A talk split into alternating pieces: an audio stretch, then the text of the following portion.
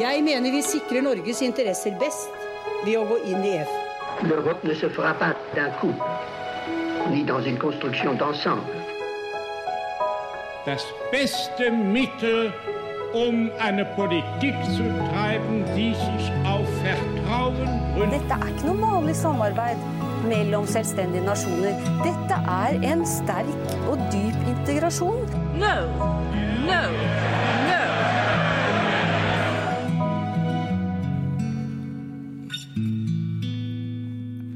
Velkommen til Det europeiske kvarter, en podkast om europeisk politikk og historie av Lise Rye og meg, Kristine Graneng, ved Europastudier på NTNU. I dag så skal vi snakke om den digitale teknologien, eh, og kanskje først og fremst de digitale plattformene vi bruker i, i hverdagen vår. For de siste årene så har vi jo sett at det kan være store eh, konsekvenser for demokratiet av at vi lever så mye av livene våre på internett. Eh, og noen konkrete eksempler på det så vi jo i forbindelse med en folkeavstemninga om brexit i 2016, og også den amerikanske valgkampen det samme året. Og iallfall sånn som jeg husker det, så var jo det et slags vendepunkt for hvordan vi så på, på politiske kampanjer og politisk påvirkning på, på internett. Og siden da så har det også kommet mange flere eksempel på negativ påvirkning, på spredning av desinformasjon osv. Ja, vi kan vel snakke om ei, om ei egentlig ganske lang utvikling, hvor det som til å begynne med ble sett på som verktøy som ville utvikle og styrke demokratiet, brukes til å undergrave og svekke demokratiet. Eller også brukes til å undergrave og svekke demokratiet. Eh, så det er vel sånn da, Kristine, at alt som kan brukes av mennesker, det kan også misbrukes? Så da er jo spørsmålet hva skal man gjøre med det her? Og vi var så vidt innom det i episoden der vi snakka om det franske formannskapet, at det er en plan på trappene hos, hos EU. De er i ferd med å, å, vedta regelverk som skal håndtere akkurat de her problemene. Og det vi snakker om da, helt konkret, det er Digital Services Act, eller på norsk forordning om digitale tjenester, og Digital Markets Act, forordning om digitale markeder. Og hva, hva vil EU med det her, Lise? Ja, nei, Vi skal snakke om det. Vi skal snakke om EU eh, sitt arbeid overfor de store teknologigigantene, eller EU sitt arbeid med å regulere teknologigigantene, som, eh, som vel er et arbeid som har uh, to formål. Det handler jo dels om å sikre fri konkurranse, men det handler om å sikre åpenhet, demokrati og forbrukervern. Det er jo på en måte en slags sånn 2.0-versjon, det her, hvis vi kan si det. De tradisjonelle mediene som, eh, ja, som i dag er redaktørstyrt eller underlagt redaksjonell kontroll, var jo heller ikke alltid det. Norsk Presseforbund ble stifta i 1910 og utarbeida den første Vær varsom-plakaten i 1936. Eh, og ja, nå prøver man ikke å gjøre akkurat det samme, men det er i hvert fall et forsøk på å regulere noe som har vært eh, fritt. Mm. Og rett konkret for, for oss som eh, bruker de her plattformene, så betyr det bl.a. at vi vil få mer informasjon om hvordan de faktisk fungerer. Det er iallfall det EU legger opp til. Eh, så får vi se da om, om det her blir vedtatt. Men det vi skal snakke aller mest om i denne episoden, det er jo nettopp de her konsekvensene ved den digitale teknologien. Hva betyr det egentlig for demokratiet? Og med oss for å gjøre det, så har vi fått Jannike Fiskvik. Velkommen, Jannike. Takk for det. Du jobber som forsker på Sintef, og i forbindelse med kommune- og fylkestingsvalget i, eh, i 2019 så jobba dere med en rapport som så nettopp på, på hvordan eh, utenlandske aktører, kanskje først og fremst, eh, forsøkte å påvirke valget. Og hvorvidt det skjedde eller ikke, det kommer vi tilbake til. Men det jeg har lyst til å spørre, om, eh, spørre deg om først, det er jo hva du tenker er konsekvensene ved, ved at vi bruker de her plattformene. Er det positivt for demokratiet, tenker du? Ja, det er helt klart positive aspekter og med de digitale plattformene og den eh, digitaliseringen vi har og som pågår. Det kan jo sies å bidra til en demokratisering av eh, samfunnsdebatten. Eh, det gir flere muligheter eh, til flere folk å ytre seg, delta. Borgere kan informeres mer direkte. Det er muligheter til å stille forespørsler, kommentarer, spørsmål til politikere, politiske prosesser. Og det er en annen plattform til å uttrykke kritikk og støtte. Uh, komme med alternative ideer, uh, andre kilder til ekspertise. I tillegg så har jo digitale plattformer blitt veldig viktige nyhets- og informasjonskilder. Og det har òg blitt uh, i mange eksempler på at det har vært viktig infrastruktur for samfunnsmobilisering og kollektiv handling. Så sånn sett så har det jo endra hvordan vi produserer, deler og inntar informasjon. Um, så kan jo kanskje òg trekke det dit at uh, jo flere kanaler vi har, jo inn, mer bredere informasjon får vi. Så kanskje vi blir rundere i, kantere, i kantene. At vi blir uh, uh, konfrontert kanskje med andre synspunkt da, som vi kanskje ikke gjerne hører i våre innerste sirkler. Men Hei, Annike, må jeg si aller først. Velkommen hit. Men jeg må jo spørre deg her, fungerer det sånn i praksis, eller blir det ekkokammer hvor man bare møter likesinnede og mennesker med meninger som er lik ens egne? Ja, altså medaljen har jo òg sin eh, bakside. Så du har jo det du nevner ekkokammeret.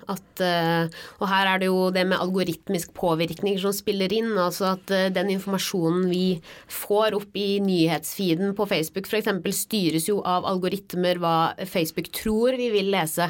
Så det er jo den utfordringen med ekkokammeret at du, du kommer inn i en sirkel hvor du får får samme type informasjon. Men det vi òg Altså vi har jo òg et annet prosjekt som er pågående. Eh, om, eh, om, eh, som ledes av Universitetet i Oslo, hvor vi ser på krise- og risikokommunikasjon til norske helsemyndigheter i forbindelse med koronapandemien, hvor Sintef har ansvaret for sosiale medier-analysen. Og i forbindelse med pandemien så er det jo òg en del folk som er skeptiske f.eks. til vaksiner. Så det vi ser da, er at ja, det er spredning av desinformasjon og konspirasjonsteorier, men det er òg folk som argumenterer mot. Altså det er diskusjoner mellom folk. Det kan til tider være veldig krass, som, eh, som man kan se i kommentarfelt. Eh, men jeg tror òg at eh, kanskje for meg sjøl òg, at jeg er blitt litt eh, rundere i kantene, liker jeg å tro, da. Fordi at jeg eh, leser ikke bare de samme avisene, jeg får på en måte bli eksponert òg for andre typer informasjon. Altså du møter seg litt sjøl i døra, fordi at det er så voldsomme mengder informasjon, da. At eh, det er kanskje vanskelig å bli helt isolert hvis du ikke velger å bare koble av, da. Hvis det er noe du syns eh, ser du syns er ubehagelig, eller da kan du på en måte lukke lukke nettsida. Men, eh, så ja, du har ekkokammeret, men samtidig så, så, får vi jo mer informasjon som er bredere. Det er aldri svart-hvitt, vel? Nei. Og det er jo mye opp til oss sjøl også, hvordan vi bruker dem her mm. eh, plattformene. Men eh, hvis vi ser stort på det, hva er de største farene ved, ved plattformene? Nei, altså hvis vi, En ting er jo de digitale Eh, plattformene, men en annen ting er jo på en måte større digitaliseringa eh, og det digitale rom, eh, som har blitt eh, blir bare mer og mer viktig. Eh, altså vi er jo et mer, stadig mer digitalisert samfunn. og vi kan og med det bli mer sårbar. altså Nasjonal sikkerhetsmyndighet peker jo på at nasjonal sikkerhet utfordres av teknologiutviklinga fordi vi gjør oss avhengig av nye tjenester, og fordi nye sårbarheter kan oppstå.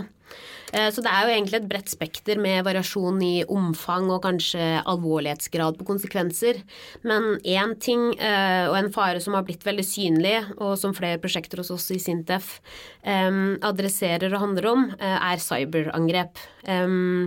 Nasjonal sikkerhetsmyndighet har jo rapportert om en tredobling av alvorlige cyberhendelser mot offentlige og private virksomheter bare i 2021. F.eks. hackerangrepet mot Stortinget 2020 og 2021. altså det er vår viktigste demokratiske institusjon, eh, har blitt angrepet av en fremmed makt. Og det har jo blitt attribuert av E-tjenesten til å, og PST til å komme fra Russland og Kina eh, til å stå bak. Det er jo uttalt. Um, så det er det. Um, og for et par uker siden så kom jo PST, E-tjenesten og Nasjonal sikkerhetsmyndighet med sine trusselvurderinger. Eh, hvor de òg trekker fram fare for statlig etterretningsvirksomhet, som kan Det er en økning i nettverksoperasjoner med sikte på å innhente informasjon. Altså Vi har jo våre, som dere har vært inne på, våre digital, liv på, på det digitale eh, rom, eh, hvor vi etterlater oss mye eh, digitale spor. så, så det er på en måte mer det kan både ha sånne konsekvenser at det kan sette kritiske nasjonale funksjoner ut av spill, altså med angrep. Eh, vi er jo mer og mer digitalisert. Men en annen kanskje si er jo det med informasjonen vi etterlater, og hvordan det kan, kan misbrukes. Så vi har jo sett flere eksempler på eh, alvorlig valgpåvirkning i flere vestlige land av fremmede makter, eh, som helt klart er uønska. Um, så om man lykkes i å påvirke eller endre politisk avgjørelse eh, i Norge f.eks. basert på informasjon man henter fra internett, så, så, er jo det en svekkelse for eh, demokratiet. Det var jo nettopp det dere så på i denne studien fra 2019. Mm. Eh, og da snakker dere om informasjonspåvirkning. Kan du si litt mer om hva det er, og hvorfor man driver med det? Mm. Altså først vil jeg bare si at det er viktig å skille mellom illegitim, uønska informasjonspåvirkning og, og, legitim virksomhet. Altså politikk handler jo om eh, påvirkning. Um, um, men, eh, men, snakker vi om uh, eh, uønska informasjonspåvirkning, uh, så kan man si at er aktiviteter gjennomført av fremmede makter eller ikke-statlige aktører for å påvirke en målgruppes oppfatninger, atferd og beslutninger til fordel for den fremmede aktøren. men det kan være spredning av desinformasjon eller manipulasjon av nettsteder og med medier. Så, så Påvirkning trenger ikke å være ulovlig, men det er et problem om debatten og vår virkelighetsoppfatning påvirkes av andre aktører uten at vi er klar over det. Og da kan vi kanskje snakke litt om denne studien, Jannike, som du har vært med på å gjennomføre. Du jobber jo i Sintef, og i forbindelse med lokalvalget i 2019 så gjennomførte dere en undersøkelse på oppdrag fra, var det fra KMD? Mm. Mm. Kommunal- og moderniseringsdepartementet. Ja, mm. hvor dere undersøkte hvorvidt det valget hadde vært gjenstand for desinformasjon eller info, øh, forsøk på å gjennomføre illegitim da, mm. informasjonspåvirkning. Mm. Kan du eh, si litt om, øh, om hva dere fant? Ja, Altså, vi fant, eh, vi fant, ingen indikasjoner på at det var utenlandsk, eh, altså forsøk på å påvirke valget. valget. Uh, så det er jo en god ting. Um, det vi derimot uh, fant, um, var um, Eller vi identifiserte organisert nettverksaktivitet for spredning og, og deling av kontroversielt innhold, deriblant uh, konspirasjonsteorier, hvor det var et uttrykt mål om å øke polarisering. så det var oppfordringer om å spre desinformasjon og manipulere avstemningsmuligheter. men det vi, av det vi kunne finne ut av, da, så var det her norske norske brukere. Um, og, og, ikke av utenlandsk opprinnelse. Um, um, så Men det illustrerer jo et annet punkt, da, hvor utfordrende det er å skille mellom om det er utenlandske påvirkningsforsøk, eller om det er eh, noe internt, altså eh, grupper som ønsker å påvirke i mer det skjulte, da. Eller om det Det kan jo være noen som er veldig ivrig på tastaturet. altså, altså, det er som igjen, altså påvirkning trenger ikke å være illegitimt. Um, og det er jo det med de digitale plattformene. altså det er så og muligheter til å være anonym. Eh, de som ønsker å påvirke, ønsker gjerne å holde seg skjult òg. Så det å faktisk skille mellom illegitim og legitim påvirkning, eh, det er utfordrende. Så det, det, du også sier, Jannicke, er jo at det er vanskelig å vite hvor strategisk denne påvirkninga er, ikke sant? Mm. Ja, Um, og så kan man jo på en måte spørre seg uh, hvem ønsker å, å, påvirke et lokalvalg i Norge. Um, men, men sånn valg lokalt og nasjonalt er jo alltid utsatt for viktige fordi viktige politiske avgjørelser skal tas. Men så tror jeg heller ikke at, eh, som du er inne på Kristine, at det er noe som kanskje er planlagt med en tydelig begynnelse og slutt. Det er noe som kan ligge og ulme. At det er noe som kanskje er over lengre tid. At det er en, et narrativ som spilles ut, eh, desinformasjon som spres over tid. At den nører opp under polarisering. Sånn at eh, det trenger ikke nødvendigvis være være og, med mål om å få et spesifikt parti til å vinne valget i, i, et lokalvalg. Men det handler kanskje noe mer om eh, at det kan være et ønske om å utfordre, uh, utfordre verdifellesskap, eh, påvirke politiske prosesser. Eh, med generell gammeldags splitt og hersk. Mm, og også tilliten til, mm, til ja, prosessene. Ikke minst. Mm. Det kan jo svekke um, tilliten til myndighetene, f.eks. Og så er det jo noe med disse plattformene òg. Altså det med algoritmisk påvirkning. Eh, sosiale medier er jo tilrettelagt tilrettelagt for spredning av desinformasjon. Altså Vi må jo ikke glemme på en måte teknologiselskapenes uh, motivasjon bak her er jo å tjene penger på, på reklamer. Altså de, de, gjør det de kan for at vi skal bruke mest mulig tid på Facebook, for da blir vi jo eksponert òg for reklame. Sånn at de ønsker jo innhold som på en måte skaper engasjement, som vekker følelser i oss. Og det er det gjerne desinformasjon spiller på. Altså sterke følelser, utropstegn, capslock, altså liksom klikk, lik, klikk og del. Eh, at innhold går viralt. Da. Så deres mål er jo å, å, å skaffe, eller få vår oppmerksomhet.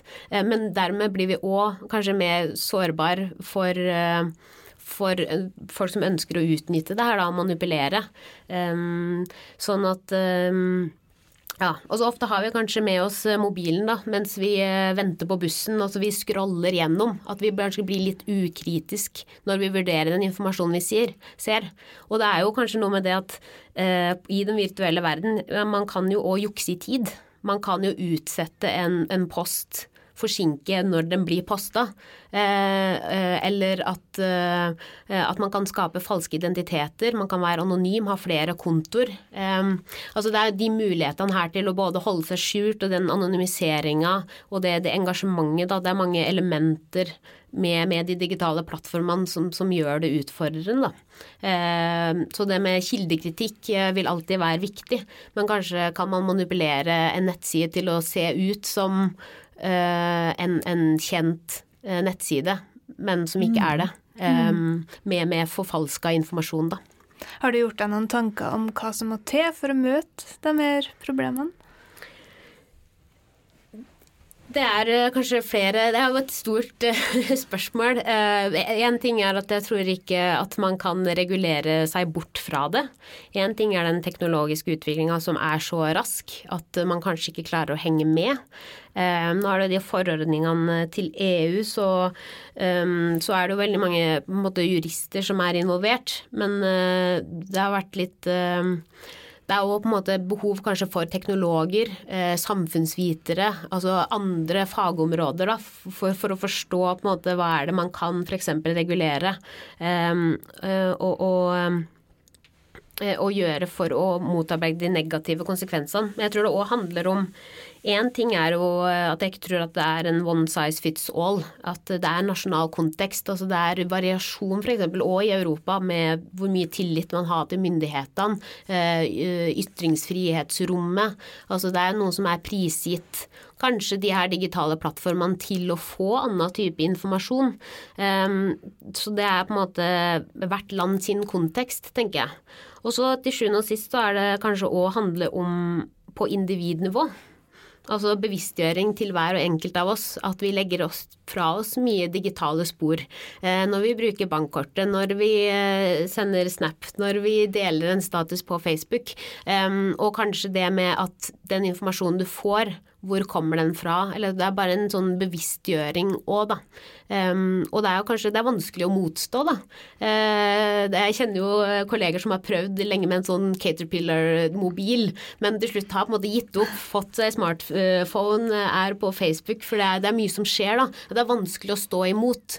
Um, det her at man har Google-kontoer til elever på skolen, altså hvordan skal man komme seg unna det, på en måte. Og det tror jeg kanskje ikke gjør. Man få informasjon ellers? Ja, ja, det er et godt poeng. Mm. Sånn at eh, vi, det er nok eh, her vi er. Så da, Det er derfor jeg tenker òg den bevisstgjøringa på individnivået, og på en måte være litt sånn eh, klar over hvordan ting fungerer, da. Som mm. ikke alltid er så lett. Vi var jo litt inne på det innledningsvis, at, eh, at noe av det EU forsøker å gjøre, det er jo å på en måte åpne prosessene bak eh, de her plattformene. Mm. Så hvordan fungerer algoritmene, hva er det de blir mata med, på en måte? Hvem er det som sitter og tar avgjørelser om hva som er lov og ikke? Hvordan blir klager behandla? Den type ting. Og, og, det er også en type bevisstgjøring, men, men tror du at det gjør oss til bedre forbrukere hvis vi får den informasjonen? Det er noe med kanskje den informasjonsoverloaden som òg er, da. At uh, på én ting så tenker man altså å skal jeg bare hake av for kun nødvendige cookies på en måte hver gang jeg går inn på nettsida, skal jeg bare trykke aksepter alle, eller sånn. Det er en sånn metthetsgrad på, på én side.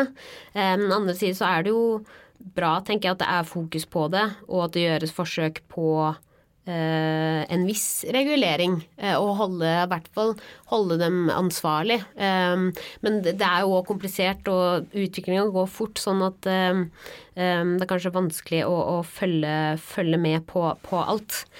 Vi har jo vært litt inne på det også, Jannicke, det her med, med, hva som er legitim og hva som ikke er legitim eh, informasjon. Eh, og det er jo en av de store utfordringene også eh, i det her debattforumet, det, mm. det digitale, at, at uh, man diskuterer hva som er ytringer man skal, man skal åpne for, og hva, hvor man skal sette streken. Mm. Og det er jo vanskelig å gjøre i praksis. Den streken er veldig vanskelig å sette, og det er jo mye at vi har Ytringsfrihetskommisjonens uh, arbeid um, blant annet. Og det er, ja, det er det som er òg utfordrende. Hvem skal sitte med den avgjørelsen om hva som er rett og galt. Um, uh, så det er én ting. Um, altså et tankekors er jo på en måte den virtuelle virkeligheten versus den ikke-virtuelle, som går veldig over i hverandre. Vi kan jo kanskje snakke om at vi, sånn bi, at vi er bivirtuelle. Um, um, men på, i den virtuelle verden så kan vi være anonym. Um, Altså Friheten bør jo ikke unndras eh, regulering. altså Du bør jo kunne stilles til ansvar for dine handlinger. Eh, men akkurat der har jo egentlig ikke den virtuelle virkeligheten kommet. Fordi man kan være anonym, man kan opprette falske kontoer. Eh, at man kan jukse i tid, du kan gjøre det usynlig. altså Det er et enormt handlingsrom. Så det vi har hatt av regelverk i den ikke-virtuelle virkeligheten ser jo veldig annerledes ut, hvor du, du, har en handling, du blir holdt ansvarlig, du blir sett på gata, og så blir du eh, ført for domstolen og, og, dømt eller ikke dømt. Um, men, men, i den virtuelle verden så er vi ikke der fysisk, uh, og vi kan etterlate Altså det er, det er Sånn sett så, så, er det en stor forskjell på, på de, da. Um, så hvis man skal ettergå noe sånt, altså dem som um, Eh, skal ta imot innrapportering hvis f.eks. vi har jo rasismeparagrafen, i den såkalte rasismeparagrafen i Norge, altså det med hatprat. Eh, eh, hvis det er noen som skal sitte og vurdere det, så må man jo få opplæring i hva som er greit og ikke. Og vite hva som er lov og ikke lov. Men det er jo på en måte det som er, er en utfordring, da. Og det har jo vært mye diskutert, altså det med ytringsfrihet. Eh, versus eh, det å oppfordre til vold mot enkeltpersoner eller grupper. Altså det er jo en grense der, men det er bare veldig vanskelig å, å tegne. Og det er jo enda vanskeligere når man har et, eh, et kart som spenner over flere, flere land og ja. forskjellige regelverk. Ja, det er jo kanskje litt som eh, ikke Nå skal jeg ikke dra den parallellen, men, men klima og miljø er jo grenseoverskridende utfordringer. Du kan jo også si at det her òg er en sektorovergripende og grenseoverskridende problematikk. Um, uh, som på en måte, på en måte visker ut litt skillene mellom um, altså statssikkerhet, samfunnssikkerhet, altså hybride trusler hvor man bruker ulike virkemidler, uh, og fra den, i det digitale rom. Um, men, eh, men, samtidig så er det jo Vi har jo det desinformasjon versus misinformasjon. Altså Man kan jo definere desinformasjon altså at en intensjonell spredning av falsk informasjon med, med, mål om å villede, manipulere. Mens misinformasjon, det er jo eh, en definisjon på det er jo at det er deling av ikke riktig informasjon som deles av aktører, men som ikke er klar over at det ikke er riktig. Altså Det deles ikke intensjonelt uh, om å veilede, mislede. Uh, og det ser vi f.eks. i pandemien. Altså Sveriges håndtering har jo vært mye i media, hvor det gikk jo egentlig en sånn, uh, et narrativt om at Sverige skulle kjøre flokk immunitetsstrategi. Studiet i Sverige viser at det her stemmer ikke. Altså Det er uttalelser fra Anders Tegnell som er tatt litt ut av kontekst, som på en måte fikk sitt eget liv rapportert rapportert i internasjonale medier og norske medier om at det var en flokkimmunitetsstrategi, men det som har blitt sagt og det som var den ekte strategien, var at det var et håp om at det kunne være en, en heldig bieffekt av deres egentlige strategi. Sånn at uh, jeg gikk jo lenge og, og har liksom tenkt at uh, ja, Sverige gikk for en flokkimmunitetsstrategi, men det stemmer ikke. Og det er på en måte en sånn informasjon som er tatt ut av kontekst og har fått sitt eget liv. Men det er jo ikke kanskje intensjonelt spredt for å villede. Så, så der òg er vi jo i et sånt gråsone hvor det er vanskelig å skille, da. Um, ja, så det er et komplisert eh, felt, men eh, mm. Det er det absolutt. Jannike, du har jo veldig mange gode poenger her, syns jeg. Og det er noen tema som går litt igjen. Eh, det er noe med tempoet som er skrudd veldig opp. Mm. Det er jo egentlig en, en lang tradisjon for, for regulering i hvert fall med tanke på å fremme fri konkurranse. ikke sant? Men det er veldig veldig mye vanskeligere fordi at ting går så mye raskere enn før. Um, og et annet poeng som knytter an til det som du brakte opp, var det her med forholdet mellom jurister og teknologer. Det syns jeg er kjempeinteressant. Det er juristene som sitter og jobber med det her, men kanskje må vi i enda større grad bruke teknologien. Um, eller bruke teknologene i, eh, for å avdekke praksis som hemmer fri konkurranse, f.eks. I, i den digitale verden.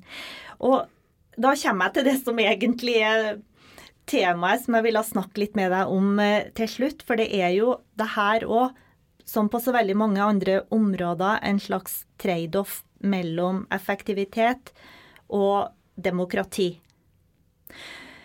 Og i Norge så har vi jo en lang tradisjon vil jeg si, for å tenke på EU som en motsats eh, til den, Eller EU-medlemskap som en motsats til eh, det norske folkestyret, til et sterkt lokaldemokrati osv.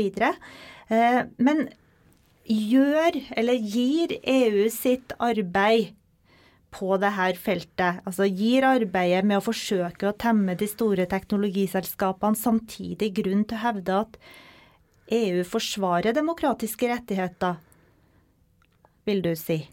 Ja, det kan man uh, si, tenker jeg. Altså, må vi altså- nyansere bildet vårt litt av uh, Jeg tror at nyansering er kanskje på sin plass òg, da. Um, altså, kanskje er man litt uh, naiv i alt dette. Hvilken um, hvilke krav, hvordan kan man sikre demokratiske rettigheter, altså mer makt til forbruker. Altså, jeg tror man er jo, Det er jo noen gode eksempler. Jeg syns jo GDPR er jo noe som kom i 2018, ble implementert i 2018, eh, som er jo et forsøk på å eh, sikre på en måte personvernet. Eh, som vi ser jo egentlig litt daglig da, eh, på nettsider hvor vi må akseptere om vi godtar eh, de følgende. Om man orker å lese det, det er jo en annen ting. Men, men, men samtidig så er det kanskje òg en sånn diskusjon om eh, altså frihet versus sikkerhet. Da. Eh, hvor mye skal man regulere, og hvem skal bestemme eh, hva som skal reguleres. Um, så, men jeg tenker igjen altså det med at det er Altså et enkeltland alene eh, ville kanskje ikke ha så mye å stå opp mot eh, selskaper som Google, som Metaverse, eh, eh altså Amazon. Altså jeg tror at EU eh, e har veldig mye for seg. Fordi at dersom man kan komme til en enighet og ha f.eks. GDPR, da, eh, at det kan styrke demokratiske rettigheter. Men samtidig vil vi ha den utfordringa som du òg pekt på at de lokale kontekstene er viktige her. Mm. De nasjonale kontekstene. Så selv om du får på plass et felles europeisk regelverk, så vil betydninga eller effekten av det regelverket variere i de ulike nasjonale kontekstene, avhengig av hvor mye tillit man har til myndighetene, hvor, ja, hvilke andre informasjonskilder man holder seg med osv. Kan vi si det? Ja, jeg tror uten at jeg har liksom et klart eh, svar, så vil jeg tenke at det, det varierer fra, fra kontekst til kontekst, altså nasjonalstat til nasjonalstat. Um, hvor det er f.eks. varierende tillit til eh, myndighetene. Uh, så jeg tror at samlende lovgivning på et så differensiert og kontinent er utfordrende, da. Så det blir kanskje mer på overordna. Uh, men igjen så må det følges opp innad i hvert, hvert land. Eh, og som vi har vært inne på, på kanskje på individnivå, da. Um, Og så er det jo også et eh, spørsmål som henger litt i lufta om EU er stort nok til å på en måte eh, gå løs på de her teknologigigantene. De er jo basert i USA, de fleste av dem. mm. Og jeg så en sak nå i starten av februar om at Facebook eller Meta hadde, hadde sagt at de vurderte å trekke seg ut av det europeiske markedet fordi um, det var forslag om regelverk som gjør at de ikke kunne um, overflytte data fra Europa til USA, Mm. nettopp pga. personvern. Mm. Og det var litt um, uklart hvorvidt det var en faktisk trussel, men, men det er jo noe som henger litt i lufta. Noe Mm. som, som også må med i betraktninga når man prøver å få til et eh, felles regelverk her. Jeg tenker Sånn sett så er jo, kan jo EU være en, en stor aktør som har mer tyngde uh, i, i møte med sånne større uh, selskaper. Um, så igjen så har du jo at EU er så, består jo av veldig mange medlemsland, sånn at det er ikke alltid lett å operere som en enhet. Men, men når EU får det til, så er det jo, uh, vil jeg jo si at det er mer makt bak handling. Altså det og jeg tenker at kanskje man tenker seg to ganger om før man trekker seg ut av, av det europeiske markedet. Um, og en annen side så er jeg jo glad for at det er fokus på det i EU. At vi har GDPR. At det er forsøk på å regulere om det som er eh, mulig. Eh, Og beskytte personvern. Altså, det samles så mye informasjon om oss eh, der ute, og vi vet ikke helt hvor det blir lagra, og hva det brukes til, eller kan bli brukt til. Så klart det er, det er et felt hvor det både eh, trengs mer eh, forskning og, og fokus. Så det, det er der vi der vi ønsker å bidra, da. eh, Få en bedre forståelse eh, av dynamikkene, eh, utviklinga, og hvordan vi best kan sko oss for å imøtekomme det som måtte være av negative konsekvenser. Jeg syns det var en veldig god oppsummering, Jannike. Tusen takk for at du kom på besøk til oss. Takk for at jeg fikk komme.